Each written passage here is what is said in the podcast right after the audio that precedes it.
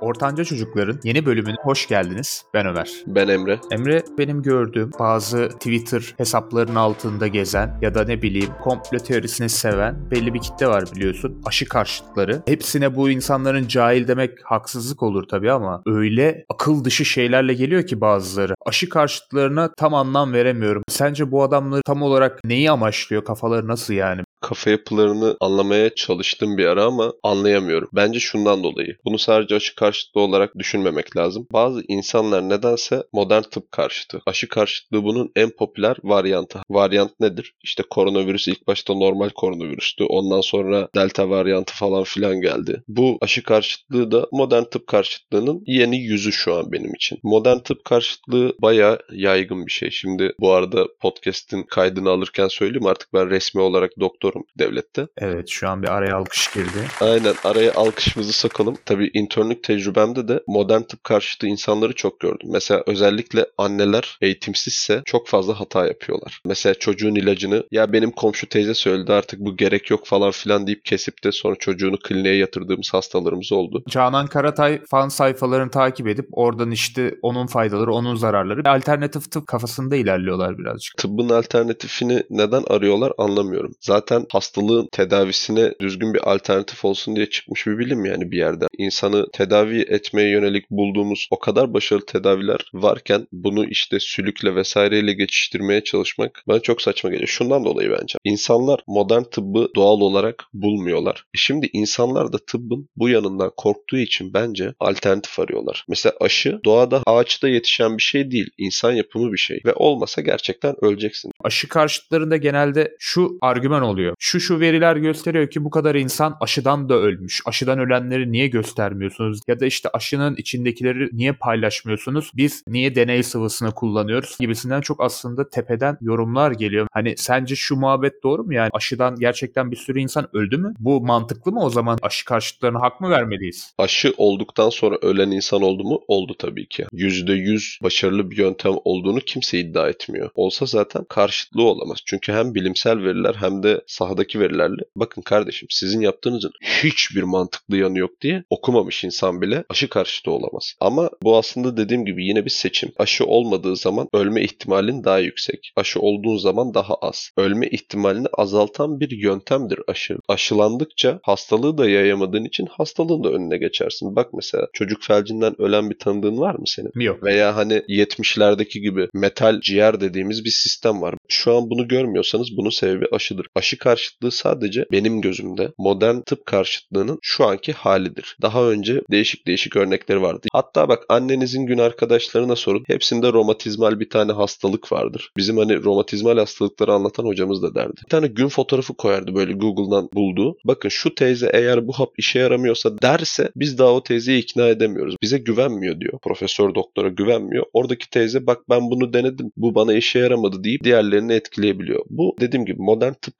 karşıtlığıdır sadece. Aşı karşıtlığı da öldürür. Özellikle korona konusunda düşünürsek. Atıyorum şöyle bir örnek vereyim tamamen bir taraflarımdan sallayarak. 50 bin tane insan mesela aşıdan korunuyorsa ve 20 tane insan da aşıdan çok kötü etkilenmişse yan etkisinden ya da vefat etmişse ve sen gelip bu 20 kişiye bakıp o kişilerin de geçmişini hastalıklarını bilmiyorsun. Sağlıklarıyla belki bir problemleri vesaire olabilir. Sadece o 20 kişiye bakıp bu aşı korkunçtur, kötüdür deyip yalandan sosyal mecralarda kara propaganda yapıp insanların da kafasını karıştırıp belki de aşı olsa yaşayacak insanların böyle kafasını karıştırmak aslında dediğin gibi modern tıbba saygısızlıktır ve nefret duymaktır aslında. Yani bir de şöyle bir şey var. Aşının içeriğini neden açıklamıyorsunuz falan filan diyorlar. Ya ben hiç şey diyeni duymadım. Ya Coca-Cola'nın içeriğini neden açıklamıyorsunuz diye Coca-Cola'nın önünde eylem yapan da duymadım. Açıklasalar ne kadar anlayacaksın? Yok içinde alüminyum var bilmem ne falan. İstediğin kadar araştır. Doğru veriyi okumak istemediğin sürece okumazsın. Bir şey görmek istemediğin sürece görmezsin. Alakasız bir şekilde ama aynı konsept. Kimi insanların Tanrı inancı vardır. Tanrı'ya inanır. Belli bir dine inanır. Kimi insan da inanmak istemez. Atıyorum sen inanırsın. Bak ben bundan dolayı inanıyorum diye kendince bir kanıt veya olay sunarsın. Karşındaki adam kabul etmez. Ben ateistim kardeşim der. Ne kadar veri sunarsan sun, somut veri olup olmadığı konusunda tartışılır da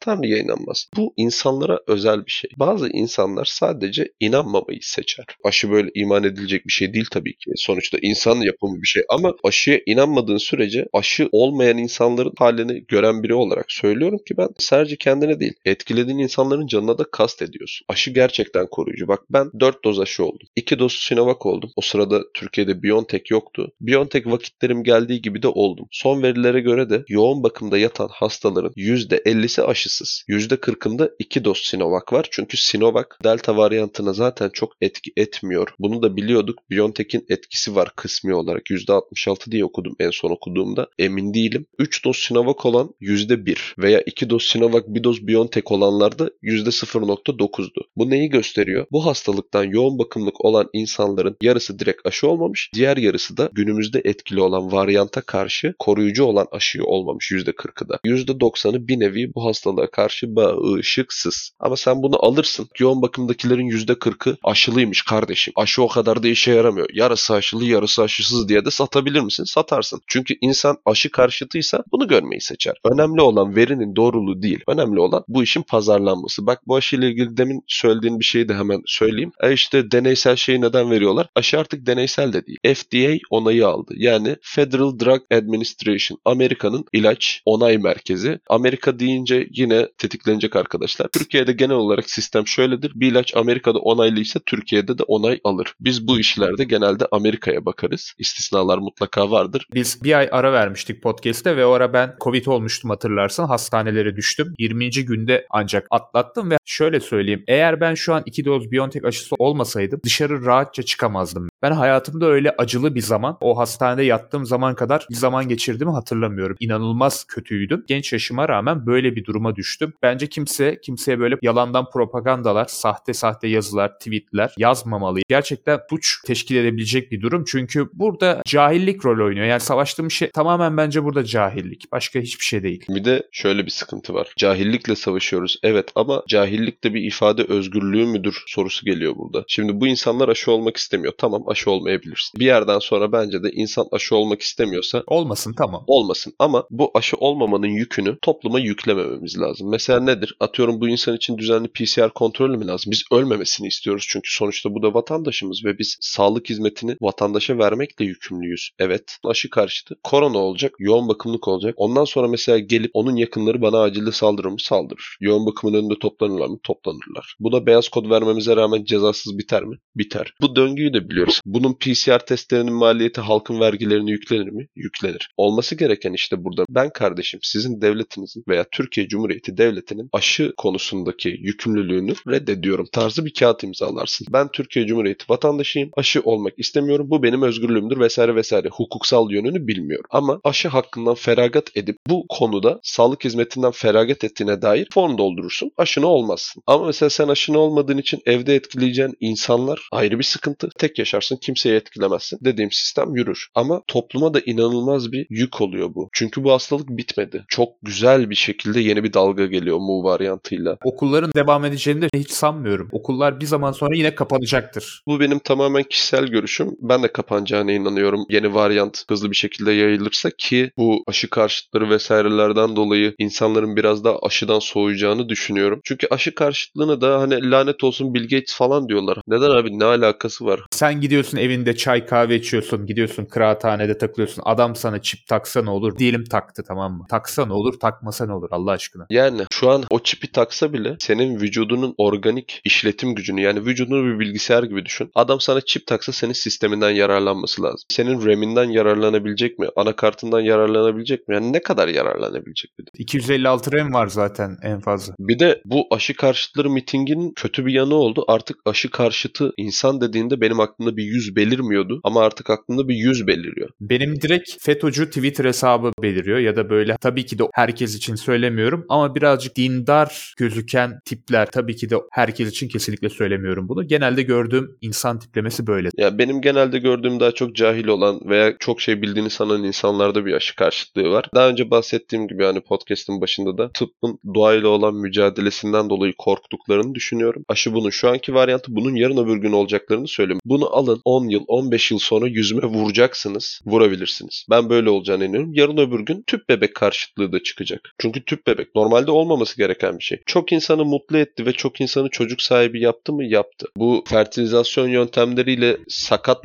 doğacak çocuklar engellendi mi? Engellendi. Yarın öbür gün bunlara karşı bir grup da çıkacak mı? Çıkacak. 10 yıl, 15 yıl veriyorum mesela buna da. Yarın öbür gün de tüp bebek karşıtlığı ile ilgili belki bir podcast çekeriz. Tıbbın karşıtlığının en azından Türkiye'de benim gördüğüm temeli şu. Bunu Allah yaratmadı. Beşeri bir bilim. Beşeri bir bilim olduğu için Allah'ın yarattığına karşı geldiğini düşünerek ondan dolayı karşıt oluyorlar. Tüp bebekte de aynı şey olacak. Bu bebeği şöyle yorumlayacaklar ileride bence. Allah yaratmadı diyecekler. İnsan aldı bir yumurtayla spermi birleştirdi. Bu bebeğin ruhunun olmadığını iddia edebilecekler belki yarın öbür gün. Sonuçta bir de kadın bedeniyle de alakalı bir şey. Çocuk ya. Ondan dolayı karışmayı çok severler. Kesinlikle buna da karışacaklar. Sıkıntı zaten burada. Tanrı bence bu hastalıkları tedavisinde bulabilecek insanları da yarattığı için tıp Tanrı'nın yarattığı bir şey midir? Tanrı inancı olan biri için evet. Sonuçta tıp doktorunu da bilim adamını da yaratan Tanrı inancın varsa senin yine Tanrı. Yani Tanrı'nın yarattığı birinin yarattığı bir şeyden Tanrı yaratmadı diye korkmak ve karşı çıkmak çok saçma. İnsanlar hiç binalara karşı çıkıyor mu abi? Binaların hepsi insan yapımı. Bunu Allah yaratmadı deyip bina taşlayan görmedim ben. Hepiniz içinde yaşıyorsunuz. Aynı şey. Çok mantıksız bir bakış açısı ama insanlar yeterince korkarsa ve hani yalnız olmadığını anlayıp toplanırsa sonuçta doğru veya yanlış olmasına bir şeyin gerek yok. Büyük katliamlara bak. Nazilerin yaptığı katliamlara bak. Doğru muydu? Hayır. Kesinlikle yanlış olduğunu herkes biliyordu. Büyük ihtimalle Nazilerin çoğu da biliyordu. Nefretle yaptılar ama yeterince insan nefret edip toplandığı için yapabildiler. Benim bu konuyla ilgili çok fazla söyleyecek lafım var da hepsi aynı kapıya çıkıyor. Tıptan korkmayın. Bazı insanların da böyle yanlış cümlelerine falan kalmamak lazım. Sonra yoğun bakımlardan ben pişman oldum bilmem ne oldum diye haber oluyor insanlar. Yazık gerçekten. O zaman Ortanca Çocukların bir bölümünün daha sonuna geldik. Ben Ömer. Ben Emre. Kendinize çok iyi bakın. Hoşçakalın. İyi günler.